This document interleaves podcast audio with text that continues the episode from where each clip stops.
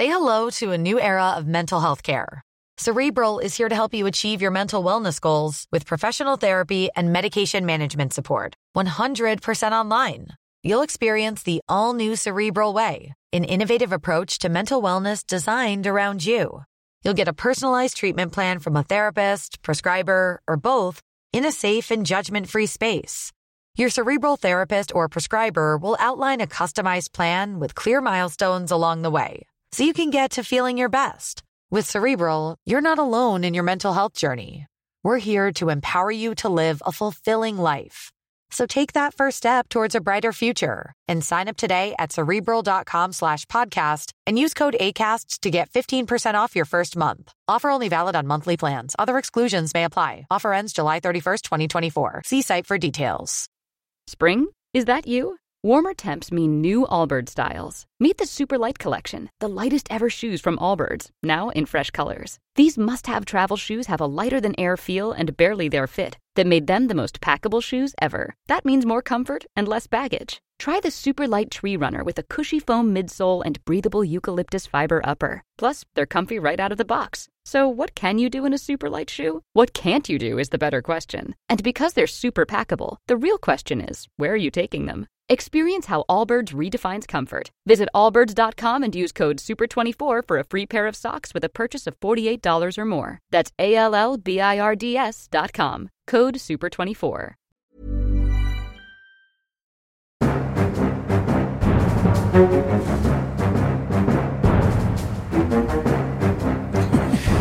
Ok, da kjører vi på med en ny episode. Aftenpodden USA. Kristina Pletten er i godt humør, men det er blitt kaldt i Norge nå, for hun har lue innendørs. Ja, du, det er jo så dyre strømpriser, så det, her må vi liksom sitte med lue og raggsokker og Nei da.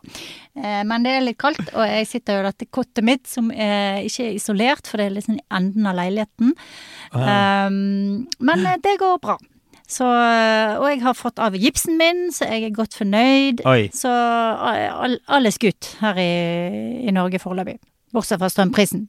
Ja, bra. Jeg er Øystein Langberg, USA-korrespondent. Som vanlig, jeg er tilbake fra Mississippi. Nå er jeg på Manhattan, og jeg har jo da feiret eh, Nå har jeg bodd i USA i snart to år, så jeg har feiret thanksgiving for andre gang. Upstate New York, hvor det var masse snø og julestemning og full pakke. Eh, Og jeg har nå spist min andre da thanksgiving dinner. Um, og jeg må si, jeg begynner å få litt smaken på cranberry sauce tranebærsyltetøy. Det er jo på en måte en av hovedingrediensene i en thanksgiving eh, meal. Absolutt. Eh, cranberries er jo kjempegodt. Thanksgiving er jo en sånn utrolig fin eh, høytid, da, som ikke er religiøs, men først og fremst en sånn høsttakkefest som passer for alle, og er jo Ja. derfor blitt sånn egentlig amerikanernes største og viktigste og mest sånn samlende høytid, fordi at det liksom ikke Alle kan feire den. Det er ingen religiøse skiller eller noe Ja. sånt. Jeg, har liksom ikke, jeg var vanskelig å skjønne hva det egentlig er før du flytter hit. Hva er poenget med denne feiringen, som jo kommer før hanukka og så jul? Den er litt sånn weird eh, fire uker før julaften. Men det er, jo ja, det er kjempehyggelig. Det er en start på the holiday season. Og det er, det er jo blitt mye kjøpepress og sånn, men det er jo en dag hvor mange familier samles og faktisk bare spiser en middag sammen uten pakker eller noen ting. Så jeg, ja, jeg blir mer og mer glad i thanksgiving. Kanskje jeg må importere det til Norge. Jeg husker Første gangen jeg var på Thanksgiving, syntes jeg det var veldig rart. For vi var, spiste en sånn kjempesvær middag veldig tidlig, og så kommer jo alle med hver sin rett, liksom, eller sånne side dishes, sant? så gjestene har med seg, og så har vertskapet ofte Ja. kalkun og sånn. Og så etter middag Jeg hadde jo liksom tenkt det var litt sånn julete, så jeg hadde kledd meg i fine klær og sånn, men folk kom liksom bare litt sånn valsende i det, litt sånn eh, veldig casual klær. Og så gikk alle og la seg etter eh, de hadde spist, og noen satte seg ned og så på sånn amerikansk fotball og sånn, og det var, var veldig sånn annerledes enn en vi i Norge kanskje tenker på høytidsfeiring, da. Ja. ja, ja. Nei, vi får se om det kommer til Norge etter hvert. Det, av det meste fra USA gjør jo det, men det er jo et lite stykke igjen, da. Vi har nøyd oss med halloween foreløpig. Men du, i dag så skal vi snakke om uh, Texas. USAs nest mest folkerike delstat. Vi har gledet oss egentlig en stund til å snakke om, om denne staten. Det er veldig mye å si. Det er jo et liksom republikansk utstillingsvindu. De gjør på mange måter det motsatte av det demokratene vil på veldig mange samfunnsområder, og nå har de altså stor suksess eh, for tiden. Men suksessen har en bakside, og det skal vi også snakke litt om. De frykter jo at Texas vil miste sin sjel, og kanskje til og med, å nei å nei, bli demokratisk en dag. Alt dette skal vi komme tilbake til etter hvert, men først får du bare dra gjennom Kristina, hva har skjedd i USA siden eh, forrige episode? Ja, Jack Dorsey har gått av som toppsjef i Twitter. Det er store nyheten fra Silicon Valley. Og han mm. gikk av med noen eh, velvalgte gloser til sine kollegaer, blant annet eh, Zuckerberg i Facebook. Han sier at det er ikke så mange grunnleggere av sånne tech-selskaper som klarer å sette selskapet over egoet sitt i lengden, så Dorsey han kom med noe stikk der. Så har det vært Black Friday i, i USA etter thanksgiving, dagen etter thanksgiving. Den har jo vi importert til Norge. Eh, og det, ja, tallet derfra viste at trafikken ikke har tatt seg opp eh, på nivået som var før pandemien, da. Så fortsatt litt sånn bekymring for økonomien og farten i økonomien der. Kanskje inflasjonen har litt med mm. saken å gjøre. Så har det vært enda en stor og høyprofilert rettssak. Eh, denne gangen var det tre menn, tre hvite menn, som var tiltalt for å ha jaget og drept en svart mann ved navn Ahmed Arbery. Ahmood Arbery heter han kanskje, eh, i Georgia. Det har vært mye skriverier og snakk om den rettssaken. De tre endte opp med å bli dømt, selv om de også, eh, som Kyle Rittenhouse, som vi har snakket om før, eh, hevdet at de gjorde det i selvforsvar. Så mm. er det en annen rettssak som også veldig mange følger med på. Det er Ghislaine Maxwell, som var Jeffrey Epsteins høyre hånd. Hun er tiltalt for å ha rekruttert og utnyttet unge jenter gjennom flere år. Det er jo en veldig høyprofilert rettssak. Vi kommer sikkert til å snakke mer om den etter hvert. Og til slutt så er jo det er jo ikke noe som har skjedd, men noe som skal skje denne uken, er jo at nok en gang så går den amerikanske staten tom for penger, og du har dette gjeldstaket, og eh, det kommer nå 3. desember, da skal kanskje du følge med på, Øystein, men det ser jo ut som om man kan finne frem til en løsning der før det nok en gang ja. eh, blir sånn eh, panikk, og man frykter eh, finans-Armageddon. Ja, det var mye greier, men la oss mm. bare hoppe inn i hovedtemaet vårt, eh, Texas. Altså, Den staten jo, er jo enorm på mange måter. Altså, nest største areal etter Alaska av alle delstater, og nest mest folk etter California. 29 millioner innbyggere. Og så er det jo gøy da å starte med stereotypiene, er det ikke det? Om, eh, om statene. Det er jo veldig mange stater som har veldig tydelige, veldig tydelige stereotypier knyttet til seg. Og for Texas så er det jo på en måte ensomme cowboyer. Selvstendighet tenker vi vel på. Frihet og religion. Veldig religiøs delstat. Uh, og så er det jo ikke sånn at hele Texas er sånn, men det er også ganske sant. Det er helt sånn slående når man reiser rundt i en del sånne amerikanske stater. Jeg var nylig på sånn rodeo ute på bygda i Texas, og det er som å være på et filmsett. Altså, det er cowboyhatter overalt. Det er ekstremt mm. brede aksenter, det er våpen. Uh, det er fantastisk gøy. Så det er ikke sånn at disse stereotypiene nødvendigvis liksom, ikke stemmer heller. Det er på en måte hjertet av Texas. Ja ja, altså folk går med cowboyhatt i Texas, og, og særlig mennene da er enormt svære. Det er veldig mye sånn høye, digre mannfolk overalt i Texas. Så de, de lever virkelig opp til sitt uh, rykte. Det er faktisk en del med en sånn betydelig uavhengighetsbevegelse òg. Mm. Texas var jo en sånn egen republikk sånn midt på 1800-tallet, eller eh, i første halvdel av 1800-tallet. Og det er fortsatt en del folk, når man spør folk i spørreundersøkelser, som vil at Texas skal bli uavhengig, bare bryte ut av USA. Det gjelder jo særlig da når det er Barack Obama eller Joe Biden eller noe som er president. Eh. Men jeg må bare si, altså hvis noen har mulighet til å dra på rodeo en gang, gjør det. Kjøp deg noen boots og en cowboyhatt og dra på det. Det er bare helt fantastisk gøy. Jeg var nylig på det, som sagt, og har laget en sak for A-magasinet om Texas som kommer nå på fredag. Og jeg har møtt masse interessante, gøyale mennesker som jeg bare gleder meg til å vise frem til leserne. Men du har vel også vært på rodeo? Jeg har også vært på rodeo flere ganger, og det er ganske underholdende og gøy.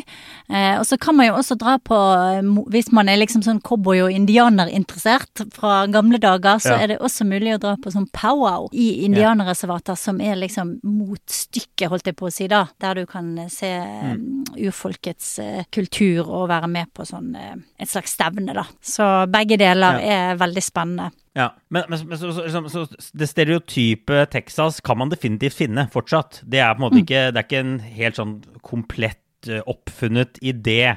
Men, men det som, som, er viktig å få frem tenker jeg, om det moderne Texas i dag, er at det er absolutt måte, ingen bakevje. Altså Noen stater kan man liksom kritisere for å ikke ha fulgt med i tiden, ikke har noen dynamisk økonomi, ingen nye industrier, sånne type ting.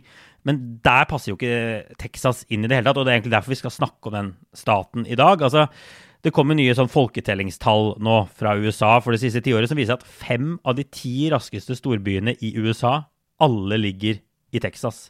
Mm. Og Jeg var og besøkte en av dem til, til den saken jeg nettopp har skrevet, som heter Frisco. og Det er bare helt ekstremt hvor fort den byen har blitt bygget ut. Altså, det var ingenting der tidlig på 80-tallet. Det var bare bondeland, eh, gårder, litt skog og sånn.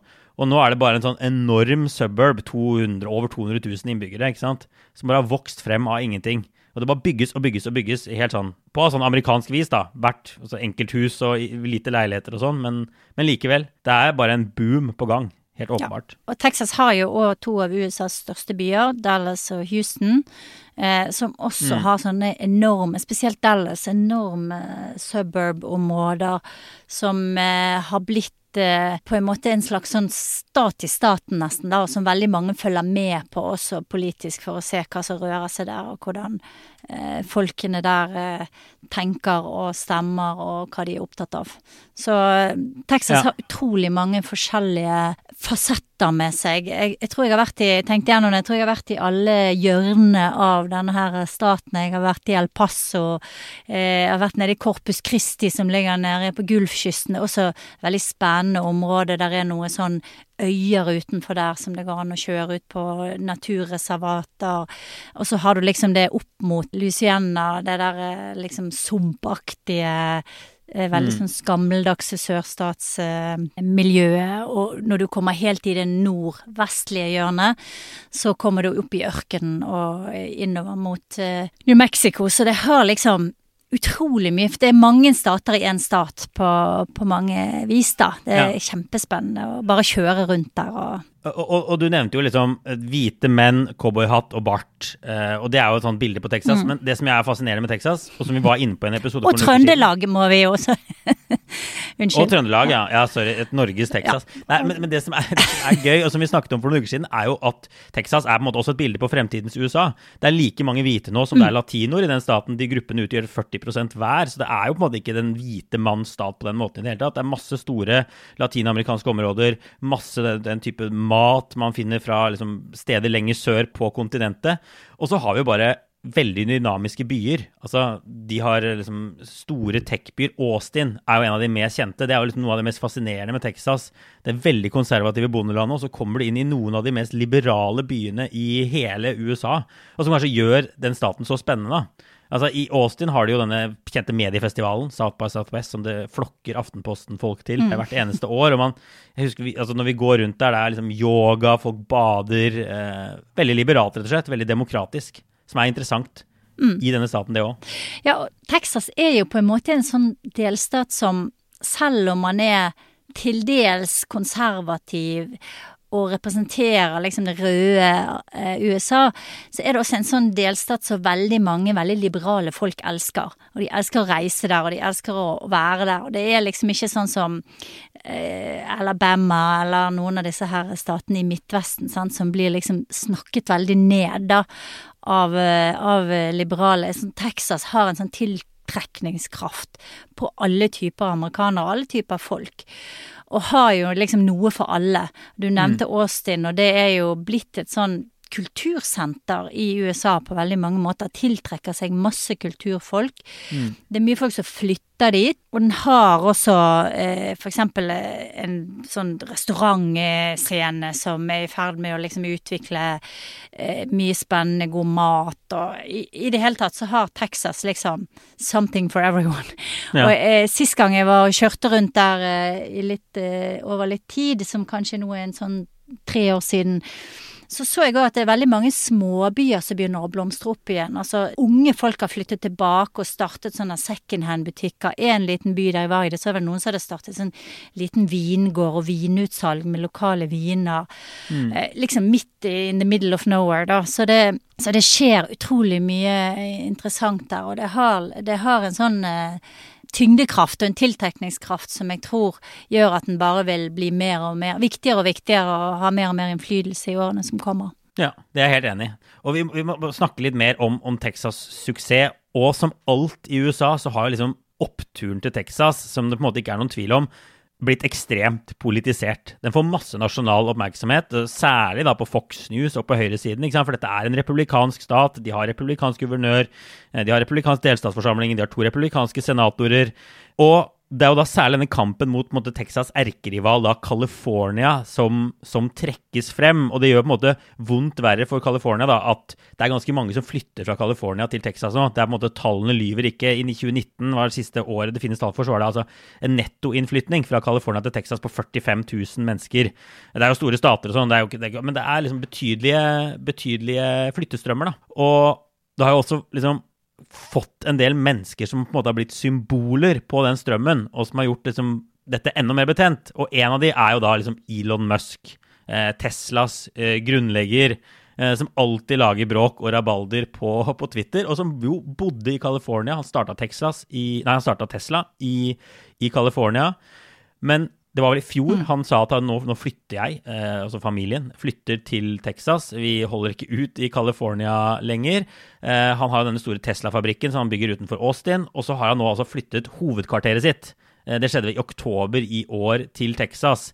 Og samtidig, da, for å gjøre det vondt, så pisser jo da eh, Musk i kjent stil på California, mener covid-restriksjonene er fascistiske, ikke sant. Hele den runden mm. med ting. Men det har da blitt en sånn megabetent, megabetent sak. Ja, og så er det vel noen som mener at kanskje den skattemessige fordelen har en del med saken å gjøre også, når det gjelder uh, Musks uh, flytting til Texas, da. Fordi at det, det, er jo et mye mindre skattetrykk på, uh, på den typen superrikinger som Han er vel verdens rikeste mann fortsatt. Ja, ja. Eh, selv om han har nå solgt en del aksjer og betalt litt skatt og sånn. Men, eh, men eh, mange mener vel at det kanskje er det som ligger egentlig bak eh, den flyttingen, da.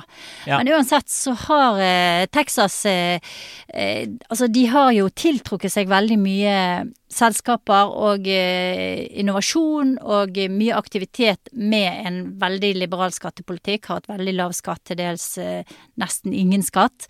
Nei, de har vel bare forbud mot sånn eh, Det er en føderalskatt i USA, og så er det lokal inntektsskatt i tillegg. Og Texas har innført liksom et lovfestet mm. forbud mot lokal inntektsskatt. Det er noen få stater som rett og slett bare ikke har det. Så de betaler kun mm. føderal i, altså kun føderal inntektsskatt uh, der. Så det er jo et lavt skattenivå. Mm. Og de vil jo si de er stolt av det i Texas. De vil jo at, at Musk flytter dit pga. lav skatt, vil jo de applaudere. På en måte, Det er ikke noe å være flau over, sånn som Texas-politikerne ser på det. Nei da. Eh, det har jo vært en, eh, en policy for de lenge, da. På en måte så Kritikerne mener jo da at de gjør litt det samme som eh, for eksempel Mexico har gjort, ikke sant. At de sitter et annet sted i USA og suger til seg arbeidsplasser og ressurser på bekostning av andre delstater, og, mm. og, og at det er en slags sånn illojal, eh, nærmest sosial dumping, da. Eh, men Texas har i hvert fall hatt suksess med det. Eh, og så har de jo til dels eh, et eh, klima som er attraktivt for mange. Det er varmt, og det er mye sol. Eh, på den andre siden så kan man jo si at de også har hatt litt eh, trøbbel med Sist var det vel en enorm og overraskende kulde som gjorde mm. at uh, strømnettet brøt sammen. Og da avdekket jo ganske store svakheter i måten det var, var eh, satt sammen på. De ja, er sårbare for om, ekstrem vi snakket, ja, vi snakket om at de er veldig uavhengige i Texas.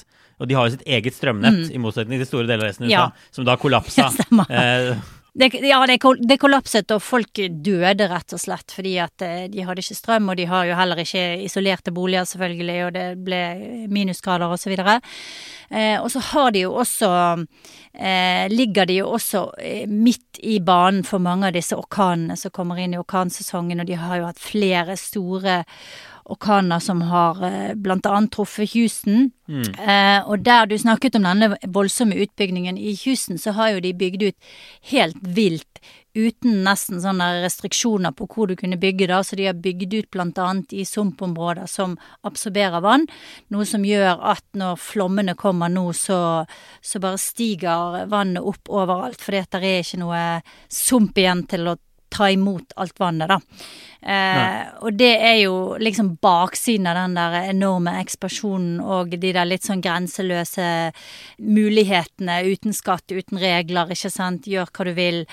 Så det har jo en, en bakside som kanskje etter hvert vil vise seg å bli større, ettersom de får veldig mye altså en, en sterkt voksende befolkning, mye utbygging og kanskje også med ja. det etter hvert større problemer uten, uten, tvil. Og en viktig grunn da, til at Texas er så attraktivt f.eks. For, for folk fra California, er jo at boligprisene er veldig lave der.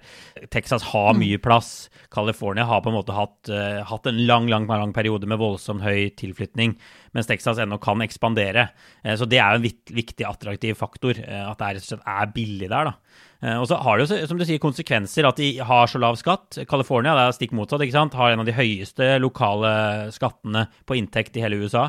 Uh, mens Texas har da f.eks. 22% av befolkningen har ingen helseforsikring. I California er det da bare i hermetegn 8% Så det er jo en sånn tydelig forskjell man ser på to ulike visjoner. Men igjen så er jeg sikker på at politikere i Texas vil liksom forsvare sin liten stat-visjon og si at nå lykkes de. Det, det, det, det som skjer nå, viser at det, er noe amerikanere uh, vil ha. Og det er helt sånn slående hvor mye tid de bruker på å disse California både i Texas, men også på Fox News f.eks. Jeg husker bare ekstremt godt under landsmøtet, republikanernes landsmøte i fjor. Da var hun Kimberley Guilfoyle, kjæresten til Don jr. Hun holdt en sånn tale hvor hun, hun slutt avslutta med å skrike 'The best is yet to come'. Men, men da beskrev hun altså sin gamle hjemstad California som et sånn sted med kjempestor rikdom, masse innovasjon, fantastisk natur, men nå var det blitt omgjort til liksom heroinnåler i parkene, opptøyer i gatene, strømbrudd i folks hjem, også i California. da. Og Greg Abbott, da, guvernøren i Texas, han gikk da til valg på slagordet 'Don't California my Texas' under forrige valg. Så de er mm. veldig opptatt av, den der, av det der skillelinjen der, som er liksom fascinerende. Men vi må bare si, da, før, før vi liksom går videre, at California det, altså, de er jo fortsatt storebror. Mye høyere inntektsnivå enn uh, Texas. Mye bedre sånn, skoler og utdanningsinstitusjoner. altså Mange flere liksom, i toppsjiktet ja. i, i, verden, og, og, og, den type ting. Så det er, jo, det er jo ikke helvete på jord i California, selv om de også har sine problemer. Nei, og jeg tenker at nettopp der så eh, tror jeg Texas vil slite etter hvert. da, fordi de folkene som flytter der, vil kanskje ha andre krav, f.eks. til skole og utdanning og helsevesen og sånne ting, enn det Texas-folket tradisjonelt har hatt. Eh, og det vil jo igjen etter hvert eh, tvinge frem litt sånn konfliktsituasjoner da, så mm, jeg tror nok ikke at dette her er bare et pluss for Texas. Jeg tror de vil de vil få en del utfordringer.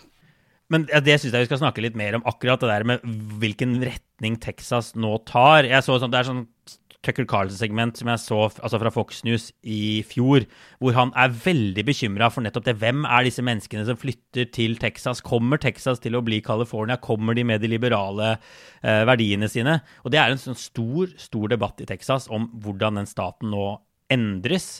Og vi må bare først si at liksom, Det har vært en trygg republikansk stat veldig lenge. Jeg tror ja, Alle presidentvalg siden 1980 så har Texas stemt for republikanere. Men samtidig, altså California er mye mer demokratisk enn Texas er republikansk. Eh, altså Det er ingen tvil om at eh, demokratene har full kontroll i California. De har supermajoriteter i, i liksom delstatsforsamlingen og sånn. Mens, mens, Texas er blitt jevnere og jevnere. Det er jo det Tucker Carlsen er bekymra for. Det var jo sånn, mm. Før valget i fjor så var det jo masse snakk om at Biden faktisk kunne vinne Texas. Og så endte han jo opp med å tape med 5,6 prosentpoeng. Men det er jo ikke så, så fryktelig langt unna, egentlig. Eh, så de har på en måte tatt innpå.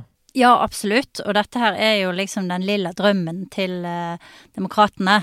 At Texas en dag skal eh, flippe og ja. bli, eh, bli, en demokratisk stat, bli blå.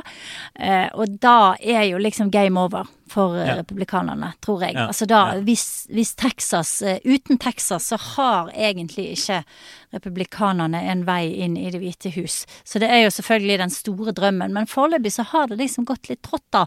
Og du var jo nylig i et område av Texas der faktisk latinoene hadde gått i andre retningen, ikke sant. Demokratene mm. har jo satt mye sin lit til at, at latinoer etter hvert skal stemme At flere av de skal stemme, for det første. Veldig få av de stemmer. Og at de som ja. stemmer da, stemmer overveldende for demokrater. Men det har jo egentlig ikke skjedd. Så eh, det er litt sånn uklart. Og det, noen mener jo at denne drømmen om det, et blå Texas er en fantasi. Ja. At det faktisk ikke kommer til å, å skje. Eh, og det er litt uklart for meg egentlig uh, hvem som har rett. Ja, det har i hvert fall sittet veldig langt inne, og det har vært snakk om det ganske lenge nå, at, uh, at det kan mm. bli demokratisk. Men det er som du sier, da, det vil jo bare, for å gjøre det klart, gi demokratene en helt enorm fordel i presidentvalg hvis de kan måtte få Texas da, inn i, i, sin fold. Jeg bare kikket på liksom, 2020-resultatene. Hvis du tar utgangspunkt i dem, og så sier du tenkt situasjon, demokratene vinner Texas. Da kunne de tapt altså Wisconsin, Michigan, Pennsylvania, Georgia og Arizona og fortsatt vunnet valget. Så det er jo bare en helt enorm stat med helt enorm mye valgmannsstemmer og sånt. Så det, det sier noe da om fordelen det vil gi, hvis de på en måte starter med alle de store statene, statene i USA. Da er det ikke mye mer de trenger før de, før de sikrer seg valget. Men, men, vi har jo dekket Texas noen år. altså En gang demokratene håpet å vinne et, et, et, det de kaller statewide race, altså et valg på delstatsnivå, det var jo tilbake i 2018, senatsvalg. For det er jo fortsatt sånn at begge senatorene Eh, til Texas er republikanere. Ted Cruz er jo en superkjent eh, senator. Altså, I 2018 mm. var han ansatt på valg. Han ble utfordret av demokraten Betto O'Rourke. Og da var det også masse snakk om at nå kan de faktisk stemme fram en demokrat i det valget. Du var vel nede og dekka det, var det ikke det? Jo da, jeg var rundt med Betto eh, eh, i, i, et par dager, og vi var blant annet på noen sånn kjempestore valgmøter. Det kom liksom 20 000 mennesker. Det var virkelig sånn der eh, eh rockstar-stemning, altså. Og han, eh, han, var enormt populært, spesielt i Austin selvfølgelig, og blant unge texanere. Ja. men vi var også på mindre steder. Han hadde jo en sånn kampanje der han hadde som mål at han skulle besøke alle countyene i Texas. Og det er mm. ganske mange, da. Så han, han kjørte jo rundt i, i en sånn eh, stasjonsvogn. Ja. Og besøkte alle mulige små, rare steder. Og, og, gjorde jo det veldig bra, men ikke så bra som forventet. Det var jo nærmest så man trodde at han faktisk skulle kunne ta dette her. Og eh, når valget endelig kom da, så fikk jo Cruise en relativt komfortabel seier, selv om den kanskje ikke var så veldig mange prosentpoeng over. Så var det Nei. liksom aldri tvil om at uh, han, han, kom til å vinne. Og så prøvde jo Betto seg også som presidentkandidat, klarte ikke det. Har vel nå litt sånne planer om å kanskje gjenoppstå fra de politisk døde, men er litt uh, usikker på om han er den rette mannen, da. Han ble litt sånn latterliggjort etter at han først ble løftet opp nærmest som en sånn frelser. Så, mm. så eh, demokratene må kanskje se seg om etter eh, noen andre enn han til å, å, liksom løfte i hvert fall eh, de valgene som er over hele delstaten, da, som er senatsvalgene og guvernørvalget. Og president, ja. selvfølgelig. Nei, det er som du sier, det har sittet eh, langt inne for demokratene å faktisk klare å ta Texas. Det har vist seg flere ganger. Og mm. altså guvernør, Den sittende guvernøren Greg Abbott har jo sagt at, og vist til meningsmålinger som viser at en god del av de som flytter, fra California f.eks., de er ikke de liberale californierne. Jeg møtte noen av disse menneskene som hadde flytta til Frisco utenfor Dallas, som er liksom republikanere som flytter fordi de er så lei av det liberale eh, hvor de føler at de ikke kan si hva de mener, og det er blitt tatt over av Hun mente det var liksom lærernes fagforeninger styrte alt, og alt var bare helt forferdelig. Så det skjer en sortering her også, som i tillegg til det at faktisk latinoene kanskje ikke er like demokratiske man ikke kan ta de like for gitt da, som demokratene har trodd, så, så er det en del av at innflytterne faktisk eh, Abbott mente at de var mer konservative enn de som bodde i Texas fra før.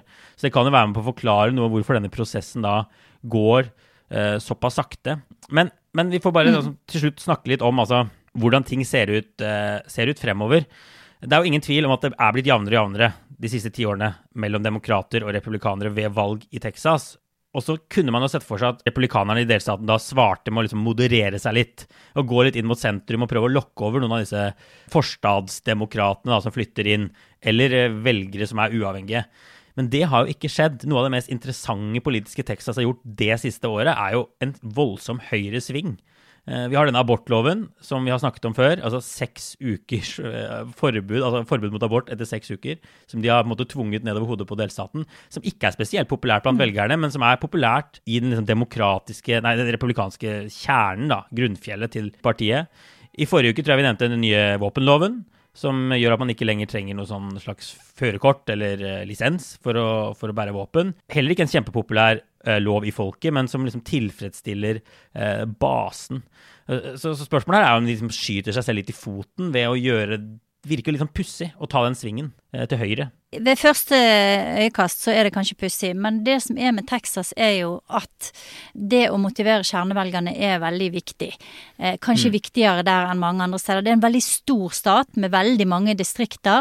Republikanerne er godt organisert, og det å ha liksom sånne der kjernesaker som, som setter fyr på grunnfjellet, da, det er eh, egentlig kjempegod strategi, tror jeg, i Texas. Det har ikke mm. demokratene klart. De har ikke klart å organisere seg godt nok. Og det er eh, enormt mye som skal til ikke sant, for å ha folk i absolutt alle, både geografisk og liksom pengemessig, da, og skulle liksom bygge en organisasjon. Og hvis du da har en litt sånn wishy-washy-politikk, eh, som ikke mm. egentlig noen er helt uh, Ingen brenner for, så er ikke det sikkert at det er veien å gå. Jeg tror at der gjør republikanerne et smart valg.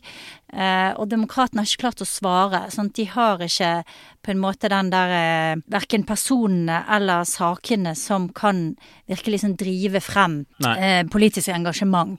Betto forsøkte, og det var en stund så ble det jo opprettet nye demokratiske partier på steder det ikke har vært før og sånn.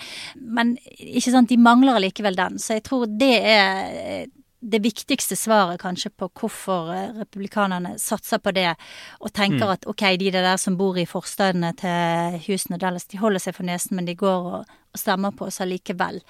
Eh, ja. Mens motstanderne ikke klarer å, å motivere på samme måte. Ja, og så må vi bare si at Det er et guvernørvalg. Det er på en måte det neste store slaget om Texas. De skal velge ny guvernør i mellomvalget mm. neste år. Der stiller jo Greg Abbott til gjenvalg. Det er i hvert fall det alle forventer. Altså den sittende guvernøren. Og vi må også si at Han risikerer å bli utfordret av folk enda lenger til høyre for seg, så han må jo også gjøre ting for å holde måte, partiet fornøyd. Det kan også være med å forklare mm. denne abortloven.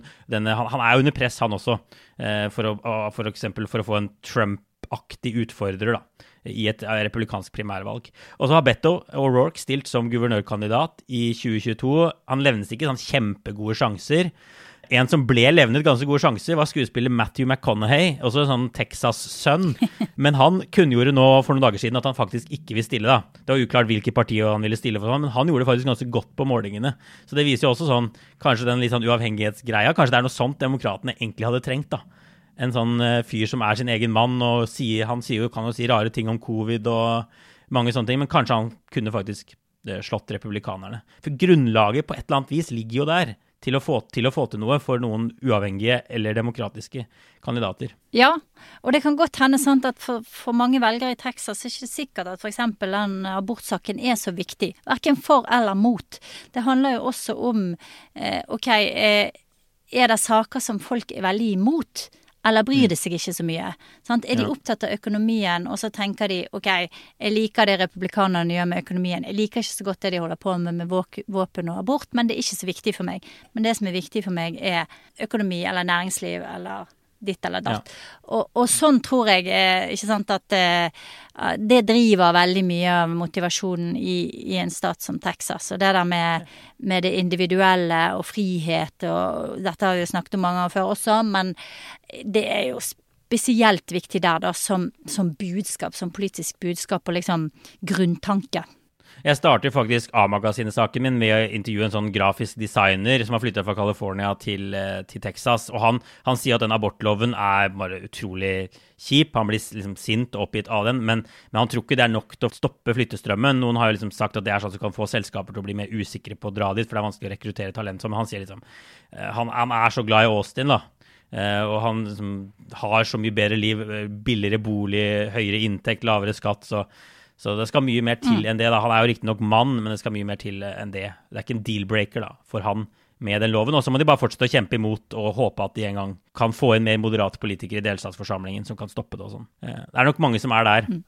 Men du, jeg tror vi får eh, sette strek for Texas denne gang, og så får vi gå over til en runde med obligatorisk refleksjon. Og jeg føler på meg at du kanskje har noe Texas-relatert på den også, var det ikke sånn? Så vi er ikke helt ferdig med det? Nei, vi er ikke helt ferdig med det, fordi at uh, for en god del år siden, da, så var jo den amerikanske dødsstraffen en veldig sånn het potet i media. Og så har den egentlig helt forsvunnet ut av eh, nyhetsbildet. Eh, vi snakker mye om abort, vi snakker om våpen, men dødsstraff er på en måte helt vekk. Eh, og demokratene har heller ikke egentlig tatt det opp som noen sak på veldig mange år. Men eh, jeg kom over en eh, pod fra Texas Monthly, som for, for øvrig er et godt magasin som eh, jeg anbefaler folk å av og til svinge innom og lese. Eh, de hadde et intervju med en eh, gammel journalist som har jobbet for Associated Press i 45 år. Og han er den mannen som har dekket flest henrettelser i Texas, og sannsynligvis i mm. hele USA. Jeg tror han hadde vært med på over 400 henrettelser. Han snakker veldig sånn nøkternt om hvordan det har vært, og hvordan det ser ut, og forteller blant annet hvordan det er å stå i sånn bitte lite rom og se på eh, henrettelsen. Og der, de er skilt med en vegg da, der eh, familien til offeret står på ene siden, familien til eh, personen som skal henrettes, står på andre siden. Men eh, jeg syns det var interessant av, av, flere grunner, blant annet på grunn av dette her som jeg sa innledningsvis, at hele spørsmålet om eh, dødsstraff eh, er så vekke fra nyhetsbildet at det var liksom ja. en sånn god påminn, påminnelse om det. og så er det også av interesse, kanskje spesielt for folk som er interessert i journalister og journalistikk, å høre en, en fyr som eh, beskriver seg sjøl som et veldig nøytralt vitne. Han vil ikke si om han er for og imot, han vil egentlig ikke legge så mye føringer. Hans jobb, sier han, har vært å bare være vitne og beskrive mm. det som skjedde, og han hadde alltid med f.eks. hvor mange minutter det tok fra offeret fikk disse sprøytene til de døde. Det var alltid med i saken. Så spør intervjueren ja, hvorfor hadde du det med.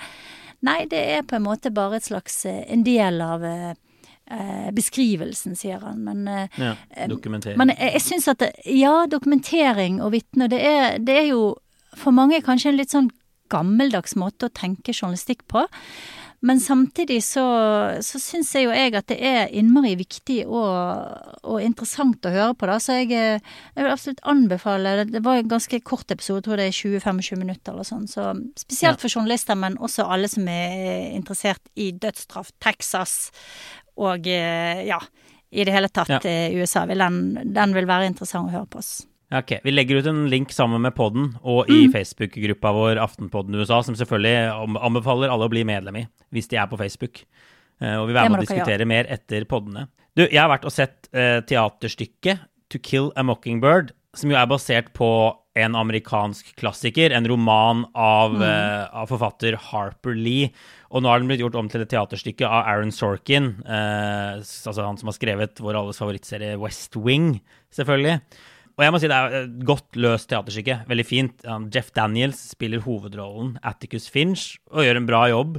Men hun som spiller datteren til Finch og har fortellerstemmen i boka og i teaterstykket, hun, er bare, hun gjør det helt fantastisk. Hun har vunnet noen priser og sånt. Så er, hvis man er i New York, så kan det være verdt å gå og se, uh, og se dette stykket. Det er jo, jeg skal ikke liksom hvis vi ikke har lest boka eller kjenner historien, så skal vi ikke ta den hele her. Men det er også, rase er et helt sentralt tema i den boka. Det handler om en svart mann som blir dømt til mm. døden for voldtekt. En voldtekt han da ikke har begått av en, eh, en hvit kvinne. Og det som er litt spennende også, er at denne boka er en del av liksom alt det vi snakket om for noen uker siden. Denne debatten om kritisk raseteori, hva barna lærer i skolen. Eh, jeg tror i starten, da denne boka kom på 60-tallet, så, så så var det mye folk på liksom høyresiden som ikke likte det, og det den boka om, omhandlet sånn.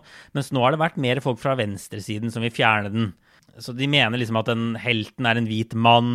Det er så typisk for liksom når hvite skriver bøker om svarte, at da er helten en hvit mann. De bruker n-ordet mye. Mm. Eh, det gjør folk ukomfortable. De mener at det er upassende for unge. Men altså, jeg tenker Det er jo ikke så rart. N-ordet er overalt også i, i teaterstykket. Men det er jo liksom en beskrivelse av 1930-tallets USA i sør. så det er liksom jeg synes det er vanskelig å se for seg hvordan man ikke skal gjøre det sånn. Skal man fjerne det og sånn? Så jeg, jeg, jeg, vet ikke. Jeg synes det er, det er skumle tendenser på begge sider i USA nå. Uh, med fjerning av bøker. Noen sier at de skal brenne bøker. Det er veldig mye rart. Og det er ja. liksom virkelig klassikere. Ja, dette er jo en av de store klassikerne fra det forrige århundret. Og liksom en bok som alle som eh, er glad i Amerika, bør ha lest. da. Ja. Eh, og så er det vel sånn at eh, bare så det er sagt, hvis noen planlegger tur til New York og har lyst til å se det stykket, så bør dere liksom planlegge ganske langt i forveien, for jeg tror det eh, Det meste av sånne ting blir jo utsolgt månedsvis i forveien, så bestill billetter Ja. nå hvis dere skal til USA til sommeren eller i våren. Ja, gjør det. Nå har det åpna opp, og sånn, så det er litt vanskelig å få tak i billetter. Men jeg tror det skal være mulig Jeg tror det skal være mulig å få, tak i noe f.eks. i januar og sånn. Og, og den skal gå en stund, så vidt jeg har skjønt denne forestillingen. Jeg tror Jeff Daniels skal byttes ut med en annen veldig flink skuespiller. Mulig den også skal settes opp i London. Eh, men det er, hvis man ikke har lest boka, så er det også verdt å se teaterstykket uansett. Men jeg tror vi bare setter strek der, Kristina. Og så er vi tilbake om en uke. Og inntil det får alle ha det så bra. Ha det, ha det.